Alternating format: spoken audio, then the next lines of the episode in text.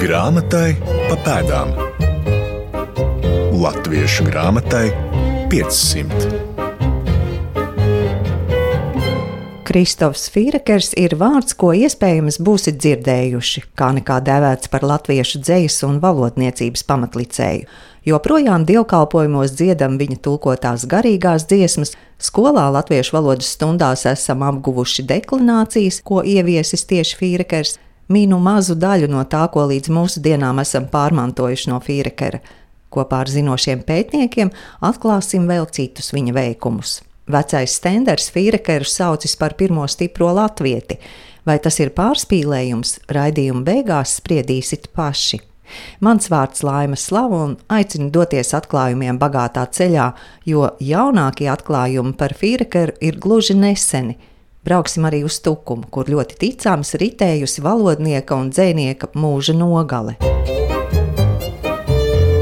Grāmatai pa pēdām. Izpēti sāku uz sarunu aicinot literatūras zinātnieci Latvijas Universitātes Literatūras, Folkloras un Mākslas institūta vadošo pētnieci Māru Gruduli un teoloģijas doktoru Lutera akadēmijas lektoru Uģi Sildegu Taču vispirms skaidrošu lūko. Mūsu šīs dienas varonis ir Kristofors Fīrekers. Man uzreiz jājautā, kā tad ir, jo avotos es redzu arī Kristofs Fīrekers. Pie kā mēs paliekam? Paliekam pie Kristofa eh, Fīrekera. Mēs skatāmies vēsturē, ir bijuši daudz un dažādi varianti, kā viņi rakstīt līdz pat Kristapam. Eh, Fīrekeram, tāpat kā Jurim Mancelim, kā mēs zinām, arī tāds posms bija, bet uh, tomēr, tātad skatot vēlreiz cauri laikmetu, kurā viņš pats varēja parakstīties un latinizētā formā Kristoforus Firekerus, un arī domājot par personu vārdu izveidi 17. gadsimtā, mēs tomēr paliekam pie īsās, precīzās formas Kristofs Firekers. Cik daudz vispār mēs eh, zinām par viņu, par viņa dzimšanas vietu, par viņa izglītību, par tiem ceļiem, kādi viņam bijuši? Es domāju, tas ir uh, raibi rūtēni, varētu teikt, jo ir lietas, kas ir zināmas un interesantā kārtā tieši pēdējā laikā arī faktoloģiski tiek precizētas. Uznirst uh, mācību vietas, kas iepriekš nebija zināmas, kā piemēram pēc uh, Tērbats, jeb Tartu universitātes. Vīrekirs ir devies uz Laideni un mācījies tur, un tika tā, tad konstatēts arī ieraksts imatrikulācijas ieraksts Laidenes Universitātes eh, matrikulā, un tur bija norādīts viņa vecums. Līdz ar to reizē ar šo faktu atklājās, ka tas ir 1612. gads, nevis tas, kā bija domāts iepriekš, ap 615. Savukārt, eh, jūs pieminētā dzimšanas vieta ir labi zināma, jo viņš ir dzimis neretas eh, mācītāja ģimenē, un tā jādomā arī, ka nemainīsies. Tā ir tā nereta, droši vien neretas mācītāja mūža un izcelsme. Tātad viņš uh, ir ar vācu baltu saknēm. Jā, viņš ir Baltijas vācietis. Nepārprotam, Baltijas vācietis, cik mēs varam šo apzīmējumu nepārprotam lietot, jo vācieši ir ieceļotāji jebkurā gadījumā, bet jā. Tradicionāli Baltijas vācietis. Uģi, varbūt jums ir kas piebilstams par viņa dzimšanas vietu? Jā, nu tā ir uh, kurzemes zemgals hercogiste. Tajā laikā gan tas ir tāds uh, paputējis un pamocīts laiks, jo 17. Eh, gadsimta sākuma ir tikko gājuši pāri kari. Protams, hercogistē nav, bet tur poļu kar, karaspēks vēl iet pāri, un tur ir vidzemē ir bats un mēris un tam līdzīgas lietas, un tāda liela izpostīšana īstenībā. Un, un viņa tēvs Kristiāns Firekers 1604. gadā tiek iecelts par mācītāju neretā, Un tad 1612. gadā Kristofers Kristofs Pierekers ir piedzimis eh, šajā vietā. Par viņa bērnību praktiski ir maz zināms, bet nu šķiet pēc viņa tās valodas izjūtas, ka viņš ir dzīvojis diezgan tuvu arī tai latviešu daļai un runājis jau no bērnības latviešu mēlē. Un par viņa tēvu šķiet arī ir tādas ziņas, ka viņš ātri esot apguvis to vietējo valodu, jau vietējā dialektā runājis. Tā tās ir tās viņa saknes, bet par tām agrīnām izglītības eh, lietām mēs maz ko zinām. Droši vien tas ir mācītāji ģimenē, tā jau bija tāda klasiska izglītība. Tie bija ļoti labi izglītoti cilvēki ar universitātes grādu un ar spējām mācīt. Un es domāju, ka tēvs viņam bija labākais skolotājs līdz pat gimnāzijas eh, laikam, kas varēja būt tērbatā tajā laikā. Kristofs Fīrekers mācījies vispirms Tērbatas gimnājā, pēc tam studējis teoloģiju tikko dibinātajā Tērbatas Universitātē, un tad seko studijas Laidenes Universitātē skaidroju, kā nākusi gaismā ziņa par studijām Holandē. Tā ir saistīta ar, jāatzīst, Igaunu vēsturnieku interesi, un līdz ar to arī vācieši, kas sadarbojas ar Igaunu pētniekiem, interesi. Pavisam nesen ir nācis klajā leksikons, kurā ir apkopoti visi Baltijas vācieši, man šķiet, līdz 18. vai 19. gadsimta sākumam, kur ir mācījušies dažādās Eiropas universitātēs un ir pētītas matrikulas. Eh, ja viņi ir atzīmēti kā no Baltijas nākuši, matrikulējoties, tad arī viņi ir ar īsbiogrāfijām šajā leksikonā iekšā. Un līdz ar to nāk klāt jaunas ziņas. Fīrekers nav vienīgais, piemēram, par eh, vienu no iepriekšējo raidījumu varoņiem, Bazīliju Plīnī. Arī uznīra jaunas ziņas, ka viņš ir eh, vēlās renesans laikmetam raksturīgi mācījies vairākās universitātēs, kas arī iepriekš nebija zināms. Tas ir vienkārši lieliski, jo mums vēl ir priekšā darbs, aizbraukt uz Leideni. Nav uh, neiespējami, ka tur atklāsies kādi jauni Fīrekera dzējoļi, atbilstoši laikmetam.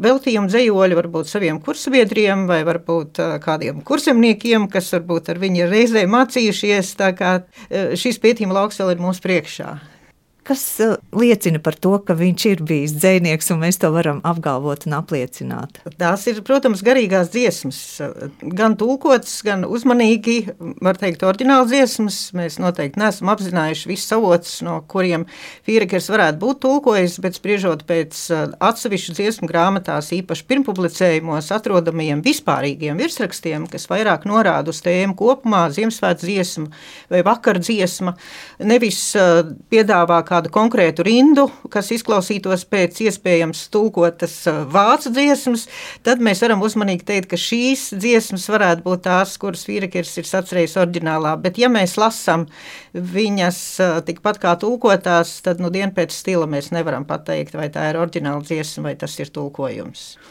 Par to dzīslu skolu jāsaka, Fīrekers ļoti labi prata latviešu valodu, patiešām ļoti labi, un viņš spēra milzīgu soli uz priekšu kā vācietis, iedziļinoties latviešu valodas skaņās un arī ritmā, pamanot, ka latviešu valodā ir fiksēts pirmās zilbes uzsvars. Un tas bija būtiski, lai varētu saskaņot arī mūzikā uzsvaru ar šo pirmās zilbes uh, uzsvaru tekstā, respektīvi saskaņot tekstu ar mūziku, jo šīs uh, dziesmas, kuras Fīrekers piedāvāja latviešu valodā, tika dziedātas ar vācu melodijām. Un tad līdz ar to stabilizējoties ritmam, viņš arī atzījot uh, vācu garīgās dziesmas, mācījās gan 17. gadsimta barakālo dzejas skolu, es domāju, gan arī lika lietā savas ļoti lieliskās, pat niansēs, lieliskās latviešu valodas zināšanas, tā skaitā arī, es domāju, latviešu tautsdziesmu pārzināšanu un tāpat arī sakām vārdu pārzināšanu. Tas viss dara viņa tekstus ļoti, ļoti interesantus un uh, arī izteiksmīgus un iedarbīgus, emocionāli iedarbīgus 17. gadsimtā vēl arī mūsdienās. Es esmu lasījis par šiem diminutīviem, ko viņš izmanto, kas arī droši vien ir uh, latviešu valodai raksturīgi vairāk nekā varbūt vācu. Jā, diminutīvs ir tāda slidena lieta. Teikt, ka tas ir simtprocentīgi vienmēr, tāpēc, ka tā ir latviešu folkloras ietekme, nebūs īsti pareizi. Jo, ja mēs runājam par poetiku, tāda ritma veidošanu, tad diminutīvs, piemēram, spilvens, spilventiņš, pagarina vārdu par vienu zilbi. Un, ja ir konkrēta ritmiskā uzbūve, kurā ir jāiekļaujas, tad tas diminutīvs tur ienāk dabīgi. Tāpēc, ka vajag šo lieko zilbi, piemēram, vai arī diminutīvs palīdz veidot atskaņu. Un Fīrikeram lūk ar šo spilventiņu ir dziesma spilventiņš Jēzuliņš, kur ir atskaņa. Ja būtu spilvens Jēzuliņš vai spilvens Jēzus, nekādas atskaņas neiznāktu. Tā kā mēs varam teikt, ka, protams, latviešu valodai raksturīgā iespēja veidot diminutīvus palīdz palīdzēja Fīrekaram tikt galā ar uh, poetiski problemātiskām vietām, bet nevienmēr runāt simtprocentīgi par folkloras ietekmi. Valda uzskats, ka Fīrekers iemācījis latviešiem baznīcā dziedāt. Pirmās zināmās Fīrekera dziesmas publicētas dziesmu grāmatā Latviešu garīgās dziesmas un psalmi, izdota 1671. gadā. Jā, viņam bija tāds e, sakars ar, ar vienu no vācu ienācējiem mācītājiem, kas beigās kļuva par kurzemes un zemgāles superintendentu, tātad baznīcas vadītāju. Henriks Adolfijs bija tā persona, un viņš beigās izveidoja dziesmu grāmatu. Un svarīga daļa no šīs dziesmu grāmatas bija tieši Kristofa Firekera dziesmas. Viņš ievadā arī sniedz šo interesanto informāciju par latviešiem, kas sāk dziedāt, par vāciem, kuri pēkšņi piedalās latviešu dievkalpojumos, un viņiem arī agrāk viņiem bija mocības dziedāt tās latviešu uh, dziesmas, a tagad viņi pēkšņi ar prieku dzied latviešiem līdz tās dziesmas. Un tas Henriks Adolfs arī sniedz to izvērstāko informāciju. Viņš bija, viņš bija cilvēks, kurš ienāca no Vācijas, un viņam vajadzēja apgūt latviešu valodu. Un Kristofers Firekers bija tas, ar ko viņš sarunājās, ļoti daudz sarunājās, un tādējādi viņš iegāja šajā latviešu valodā un pats apguva tā, ka viņš varēja kļūt par baznīcas vadītāju. Un viņš teica, ka viņš apguvis no Manceļa gramatikas un no Firekera sarunām.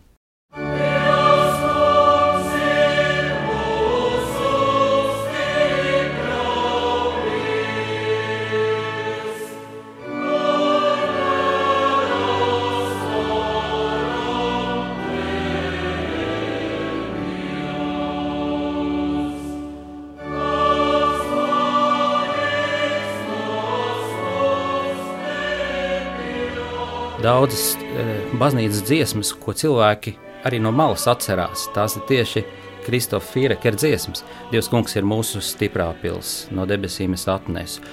Es e, cēlies sveiks un vesels. Un, un tādas dziesmas, kas iespiežās cilvēkiem prātā, tiešām ir tās, kuras nāk no Kristofa Fīrekera spalvas.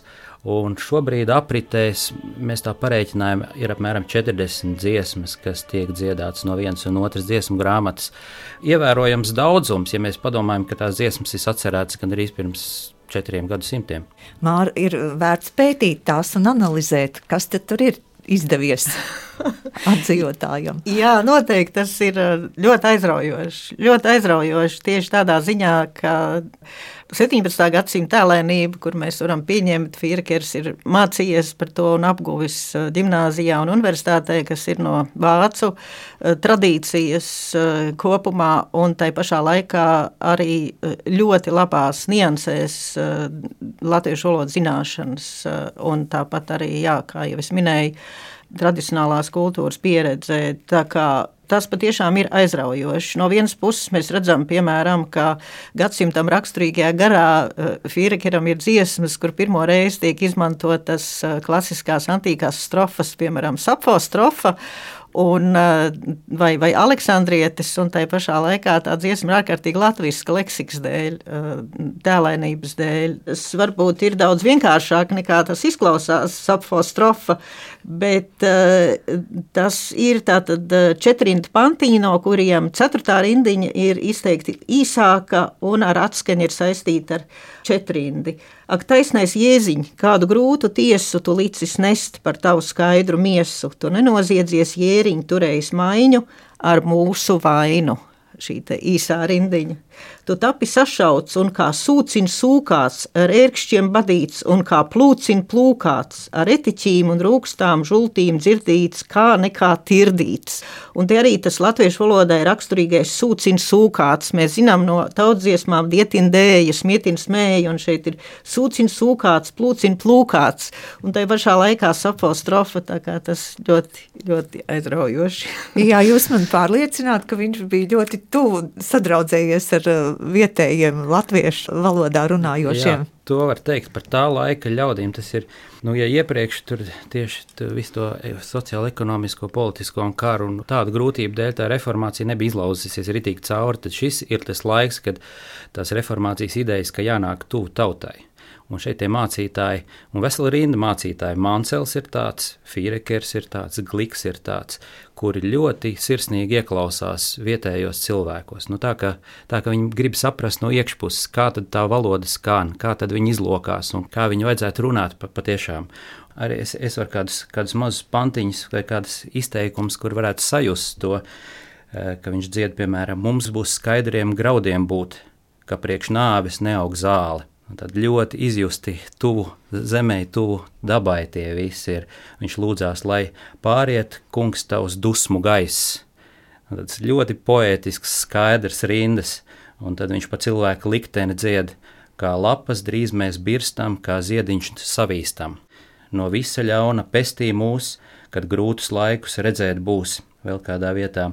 Gars gan šķietās spēcīgs būt, bet tās miesas vājas. Tā valoda veļās un tā skan brīnišķīgs, tiešām arī dziļdomīgs frāzes. Tās ir, kas iespiežās cilvēku prātos un, un, un gribās viņas atkārtot vēl un vēl, jo tas skan, labi skan un tas kaut ko pamāca arī. Bet uh, Fīrkers rakstīja arī oriģinālu dzēju. Cik uh, par to varam spriest? Tā ir tā veltījuma dzēja. Pirmie mēģinājumi, varētu būt pirmie senāk zināmie mēģinājumi, jau ir uh, Tērbats universitātes laikā. Tas jau arī tika minēts. Tātad Manceļa un Fīrekera sadarbība, un Georgam Mancelim mirs dēliņš, un Fīrekers uzraksta latīņu un vācu valodā klasiski šī laikmeta tradīcijas garā uh, sāpju pilnus uh, dzējoļus Manceļa dēliņam aizejot mūžībā tā ka viņam būtu atsevišķi dzējoļi, eh, kurus būtu vērts apkopot krājumos ārpus eh, garīgo dziesmu grāmatas. Tādi pagaidām nav atrasti, var jau būt, ka tādi ir bijuši, bet tie, kas ir saglabājušies eh, laicīgi rakstur, tie ir gadījuma dzējoļi. Tad vēl arī veltījuma dzējoļi, ko viņš ir ierakstījis saviem draugiem, draugam Sebastiānam Beseram, sātu mācītājiem, piemiņas albumā, kas ir arī latiņu valodā, Šādi, var teikt, daži paraugi ir zināmi. Izpētes augsta.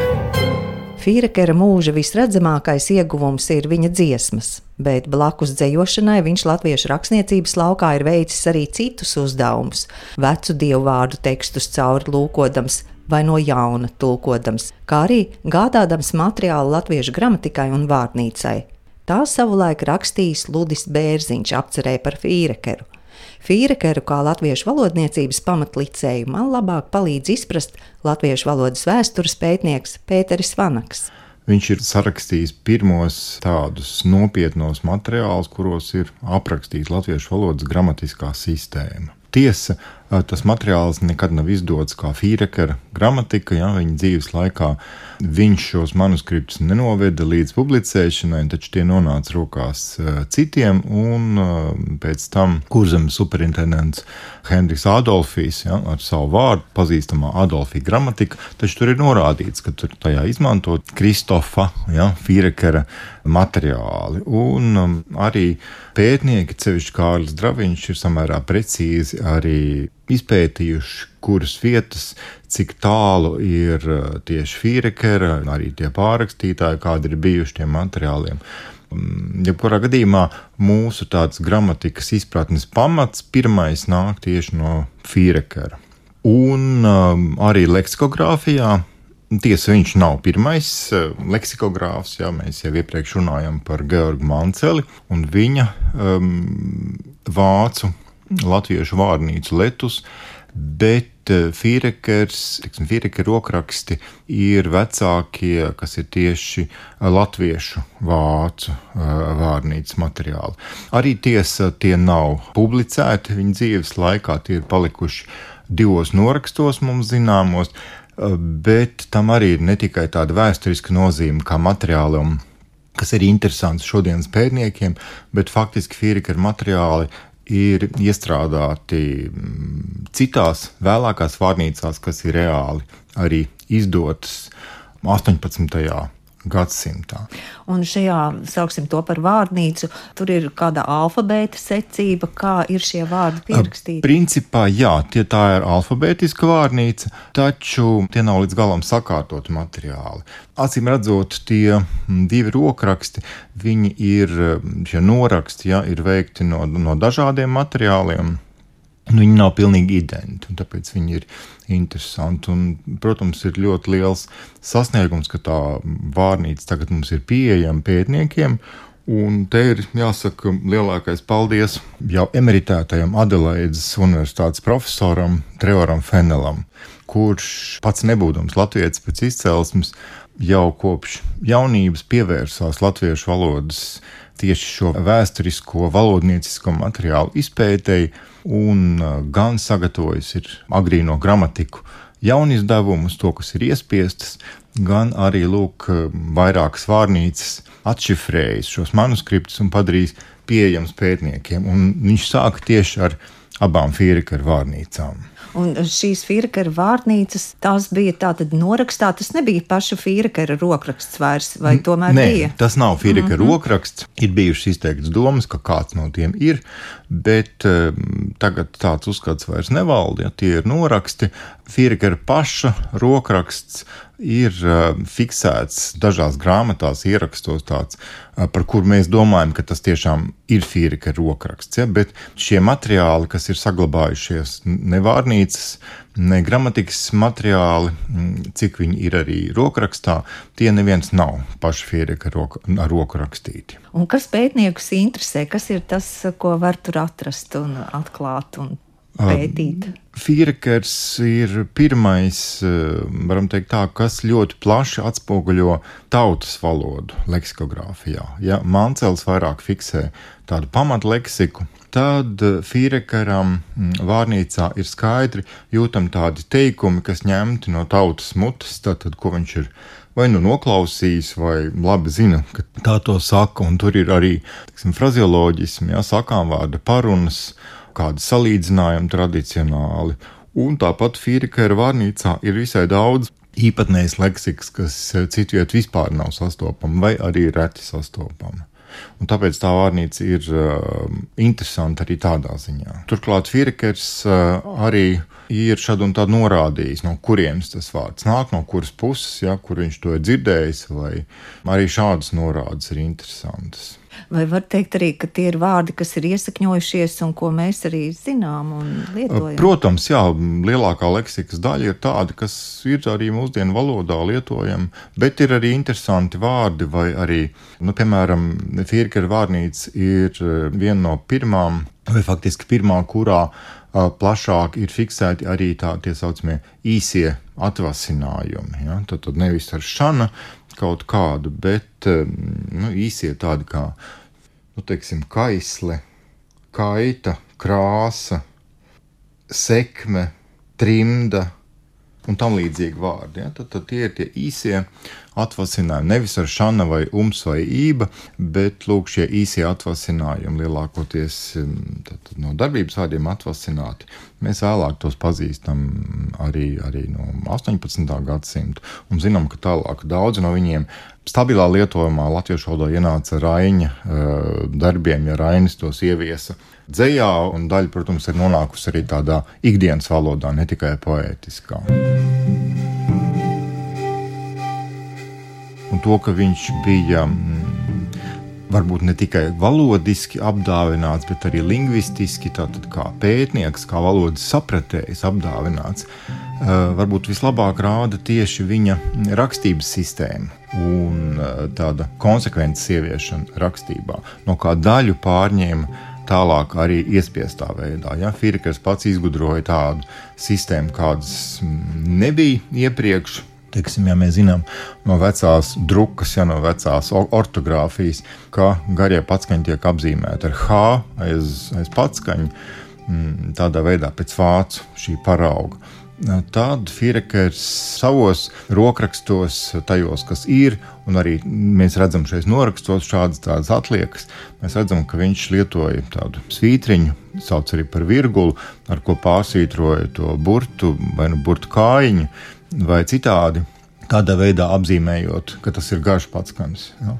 Un to pašu svītriņu jau Mansels bija lietojis dažu līdzskaņu apzīmējumā, tad viņš arī tagad eh, gan līdz konsekvencei novies, ka visi teiksim, mīkstinātie līdzskaņi tika apzīmēti šādā veidā un vienveidīgi. Turklāt, ja, cik nu mums ir no viņa manuskriptiem tas redzams, ja mēs redzam šādu daudz lielāku vienveidību un konsekvenci. Kas ir šajā gramatikā interesants? Varbūt galvenais tāds, um, kā tas, ja mēs tā salīdzinām ar šodienu, šodienas skolas gramatiku, tad domājot par šo tradicionālo um, gramatiku, kas balstās šajā latīņu gramatiku tradīcijā. Tad mēs, piemēram, deklinācijas, ko mēs zinām no 1 līdz 6, tieši šādā secībā ir Fīrekera gramatikā pirmo reizi. Ja, viņas nav tieši tā nosauktas, bet faktiski mēs redzam, ka tieši tā tas ir sakārtots. Ja, tas, tas tā ir mm, saglabājies vai katrā ziņā nonācis līdz mūsu dienām, līdz tādai mūsu tradicionālajai mm, gramatikas aprakstam. Vai pēc tā visa, ko mēs varam tā uzzināt, var kaut ko spriest un domāt, kāds Fīrekers vispār ir bijis kā cilvēks, kā valodnieks varbūt? Viņš ir bijis mm, tāds, es domāju, aizrautīgs valodnieks. Tas ir bijis viņam um, kaut kas ļoti tuvs mm, sirdī. Ja mēs salīdzinātu ar Manceli, ja, kurš ir teiksim, baznīcas kalps, varbūt uh, vairāk Mm, ka viņam šie materiāli nepieciešami darbam, ar draugu un lai varētu labāk lasīt mācītāji, kas slikti prot latviešu valodu. Tad Fīrekers, tīpaši varbūt tā vārnīca parāda to, šie dažādie piemēri, šie tautas runas paraugi, ka viņam tā ir bijusi tāda sirdslieta, un viņš ar tādu aizrautību un sajūsmu ir pierakstījis šos dažādos vārdus sniedzis arī kādus skaidrojumus par tiem vārdiem, tur, kur tādi viņam ir bijuši, teiksim, kur tas vārds ir lietots, un, un varbūt arī no kādas valodas tas ir aizgūts. Ja tas ir ģermānisms, ja, tad no vācu valodas tad viņš to ir pierakstījis klāt, vai tas ja viņam licies, ka tas ir no lietuviešu valodas. Ja. Tas jā, liecina par tādu aizrautīgu cilvēku. Varbūt, protams, zināmā mērā it kā tā kā ne šie vārnīca, ne gramatika nav nobeigta Varbūt viņš ir bijis arī nedaudz haotisks, jā, um, aizrautīgs, kaut ko uzrakstījis, tad to kaut kā atstājis. Lai gan otrs puses tieši šī viņa mm, ortogrāfija rāda tādu ļoti konsekventu un, un ļoti precīzu izpratni. Pirmkārt, jau valodas izpratni, arī teksim, skaņu sistēmas izpratni. Faktiski Fīrekera devumu varam redzēt visur, gan latviešu literatūrā, tieši šai garīgajā, gan arī latviešu valodā arī mēs neapšaubām, lai gan mūsu jaunā rakstība ir izstrādāta 20. gadsimta sākumā, bet zinām principi tie ir pārņemti jau no tās vecās rakstības, ja, kur arī ir Fīrekara devums neapšaubāms. Izpētes augsta. Turpinājumā par Fīrekara dzīves vietām. Tas ir zināms, ka viņš ir dzīvojis Pienavas mužā, viņš ir bijis eh, maiskolotājs. Ziņa par to, ka viņš būtu kalpojis kādā no draudzēm nav vienā vācu avotā gan ir minēts, bet nav norādīts, no kurienes šīs ziņas nāk. Es domāju, ka tas varbūt ir kāda kļūda, bet viņš bija maiskolotājs. Viņš dzīvoja dažādu mācītāju ģimenēs. Tātad viena ir tā pienava, otra ir dobels apkaime, varētu būt arī tukuma mācītāja mūža. Tā, kā, tā ir principā tā, Rīgai eh, salīdzinoši tuvu, bet pārliecinoši kurzeme. Un uh, vēl viens būtisks aspekts, ja mēs runājam par latviešu valodas zināšanām, ir tas, ka tas arī tiek minēts vairākos avotos, 17. gadsimta avotos, ka Fīrekeram ir bijusi latviešu sieva, bagāta pārtikuša zemnieka atraitne. Baltijas vācieši, kas šo uh, aspektu Fīrekera biogrāfijā ir piefiksējuši, tūlīt arī komentē, lai viņš labāk iemācītos latviešu valodu. Jā, un ir labs pamats domāt, ka viņš uh, tulkojas arī bibliskus tekstus, un viņam ir ļoti laba gan grieķu, gan ebreju valoda bijusi, un, un to arī lasītajās frāzēs varēja just tādas ebreju akcentus. Un viņš ir tulkojis to saucamos svēto rakstu lasījumus un lūkšanas, un Pēc ziņām Gliks ir mācījies no tā, ko Fīrekers iepriekš bija darījis. Viņš ir izmantojis gan šo Ādolfi apkopoto gramatiku, gan arī tos atsevišķos tulkojumus. Viņam ļoti labi paticis tas, ko viņš tur ir redzējis un, un izmantojis tālāk arī uzņēmis tajā savā monumentālajā tulkojumā, Bībeles tulkojumā mēs varam redzēt, cik tālajoša ir viņa ietekme. Mēs jau runājām, ka viņa dziesmas tiek dziedātas arī uz priekšu, un arī turpmākie dzinieki, turpmākie baznīcas darbinieki nepārtraukti atskatās uz Fīrekeru un mācās no viņa, kā to rindu labāk veidot par turpinājumu pat visai tieši mēs varam runāt. Fierekeram ir viens iemīļots diminutīvs, un tas ir vārds dieviņš, ko nemaz tik vienkārši Baltijas vācieši savās dziesmās uh, neiekļauj un nelieto, jo dievs kungs ne dieviņš, Fierekeram ir dieviņš, Un jau mūža nobeigumā, mūža nobeigumā, kad viņš dzīvo, viņš dzīvo atkal vienā mācītāja ģimenē, un tas ir Hespe, mācītājs Hespe, kurš arī tulko garīgās dziesmas latviešu valodā. Mēs redzam, ka Hespes dziesmās ienāk arī dieviņš. Faktiski viņi ir vieni no retajiem, ja mēs runājam par garīgo dziesmu korpusu kopumā, jo teksts jau tulkoja daudzi, eh, kuri lieto vārdu dievs diminutīvā. Grāmatai pa pēdām. Visu te apkārt taisīja, lai uh, mitrums neiet, tad visu atjaunoja. Tad, kad šito darīja, tad arī šito daļu arheologi pārmeklēja. Laiks doties uz Tukumu, kur man norunāta tikšanās ar Tukuma muzeja pētnieci Intu Dišleri. Tiekamies pie Svētās Trīsvienības Tukuma Luterāņu baznīcas. Kā gūt sajūtu par laiku, kas saistās ar Fīrekeru, mūsdienīgi rosīgajā Tukuma pilsētā? Noteikti baznīcā. Dievnams pašlaik tiek uzkopts, un mēs esam sakristējā, kur goda vietā apskatām kāda sena bībele un kauss. Un tad pirmo reizi šī 1649. gadā Nirnbergā izdotā bībele tika izcelta gaismiņā. Un kopš tā laika viņa ir vairākas reizes pabijusi jau Tukuma muzeja izstādēs. Un tagad viņi ir atraduši šeit, baznīcā, sakristējā vietiņu, eh, lai eh, jebkurš apmeklētājs viņu varētu arī apskatīt. Nu, jāsaka, ka Bībele ir uh, iespaidīga dēļ Jā. izmēra arī. Jā, ļoti liela, desmit kg smagas. Iekšā ir kurfirstu attēli, tad ļoti, ļoti interesanti. Un blakus viņai ir ļoti unikāls kauss cēlies vēl no vecās baznīcas. Šeit, šī vietiņā, kādreiz bija katoļu baznīca, Svētā Markus kapela. Un, acīm redzot, šis kausiņš ir lietots to laiku, jo ir no tā laika. Mēģinājām izlasīt arī, kas tur apkārt ir rakstīts. Un, tātad 15. gadsimta beigas līdz 16. gadsimta sākumam tapis tajā laikā. Tad tiek atnesta Tukuma baznīcas vēstures grāmata, ko Inta Dišlere veidojusi 20 gadus. Tā ir iespaidīga un ved cauri interesantiem notikumiem piecu gadsimtu garumā. Tajā baznīcas un draudzes vēsture. Mani interesē 17. gadsimts. Tas ir arī laiks, kad celta pašreizējā baznīcas sēka. Pirms tam šajā vietā atradusies katoļu maza baznīciņa. Nu, tad, kad eh, bija doma jau celt jaunu baznīcu, jau 17. gadsimta sākumā, jau 16. gadsimtā par to runāja.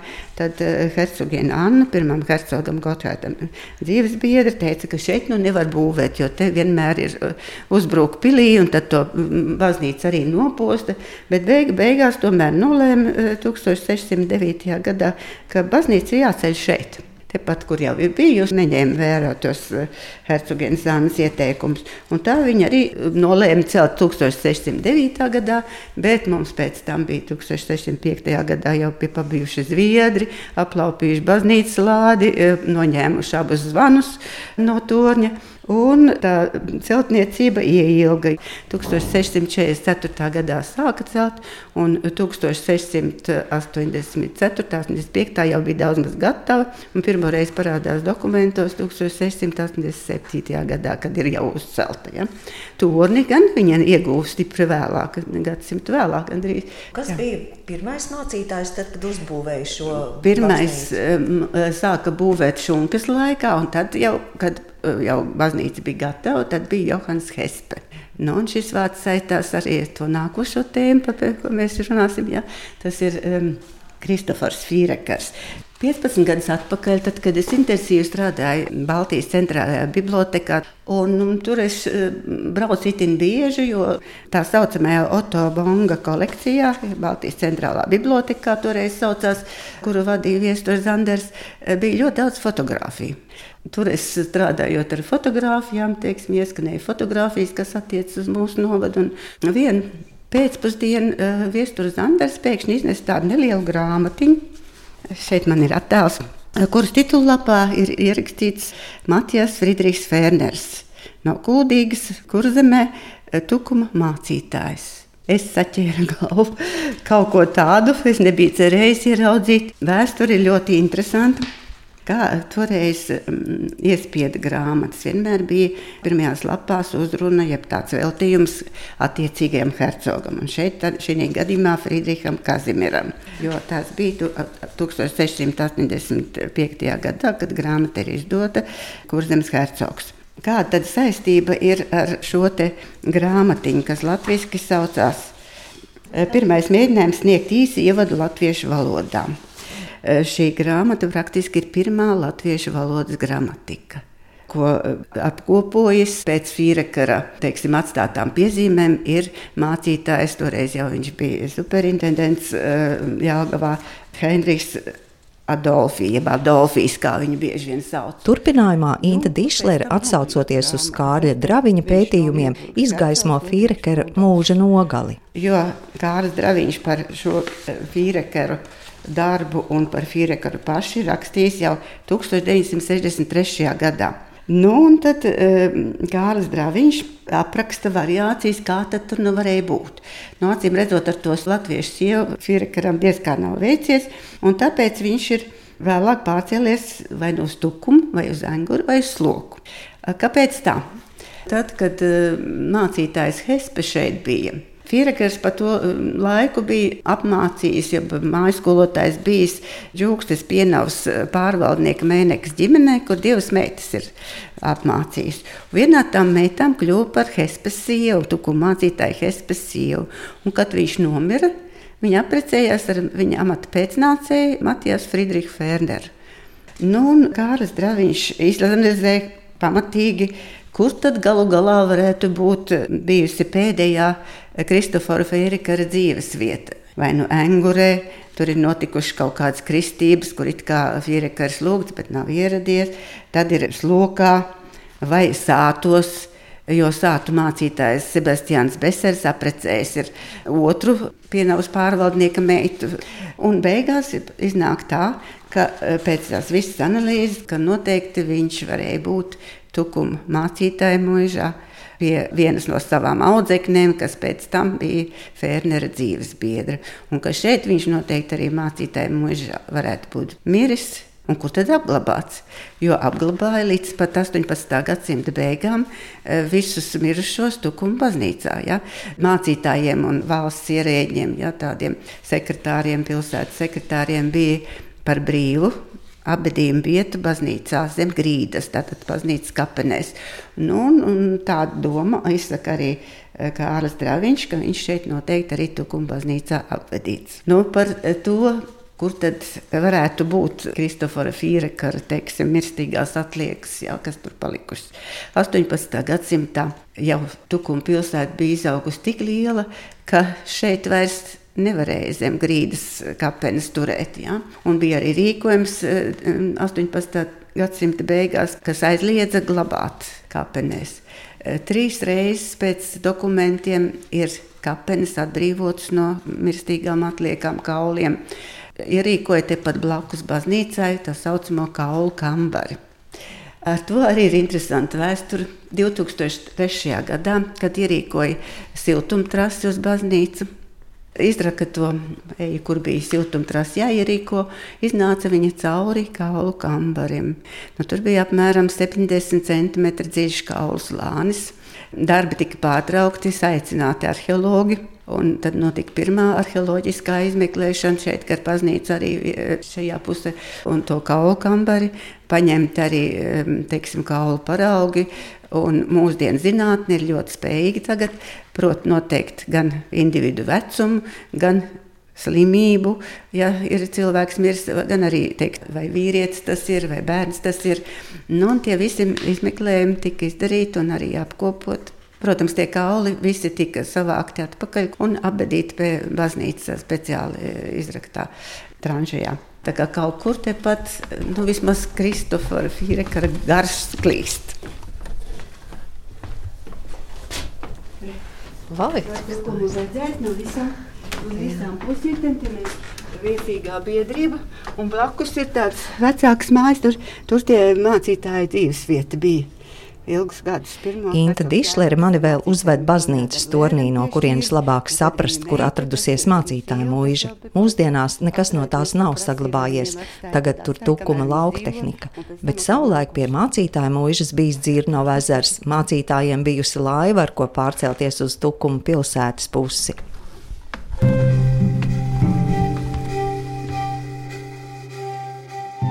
Apmetot loku ap baznīcu pie draudzes nama, ieraugu plāksni ar uzrakstu Fīrakara gāte. Tas ir gājēji ceļš tukumā starp Lutāņu baznīcu un draugu namu plāksne atklāta šopavasar. Tātad vēl viena piemiņas zīme vācu izcelsmes latviešu dzēniekam un valodniekam. Un vēl pēc jauniegūtajiem faktiem Kristofam Fīrekaram šogad 410. jubileja, kas tiks svinēta 20. augustā, neretā ar lasījumiem, ar viņa dziesmu dziedāšanu un zupas ēšanu.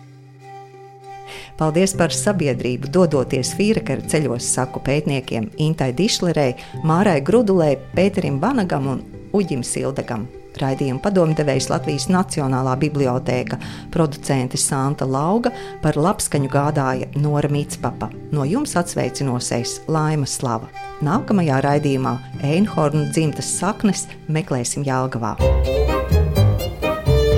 Grāmatai pa pēdām Latviešu grāmatai 500.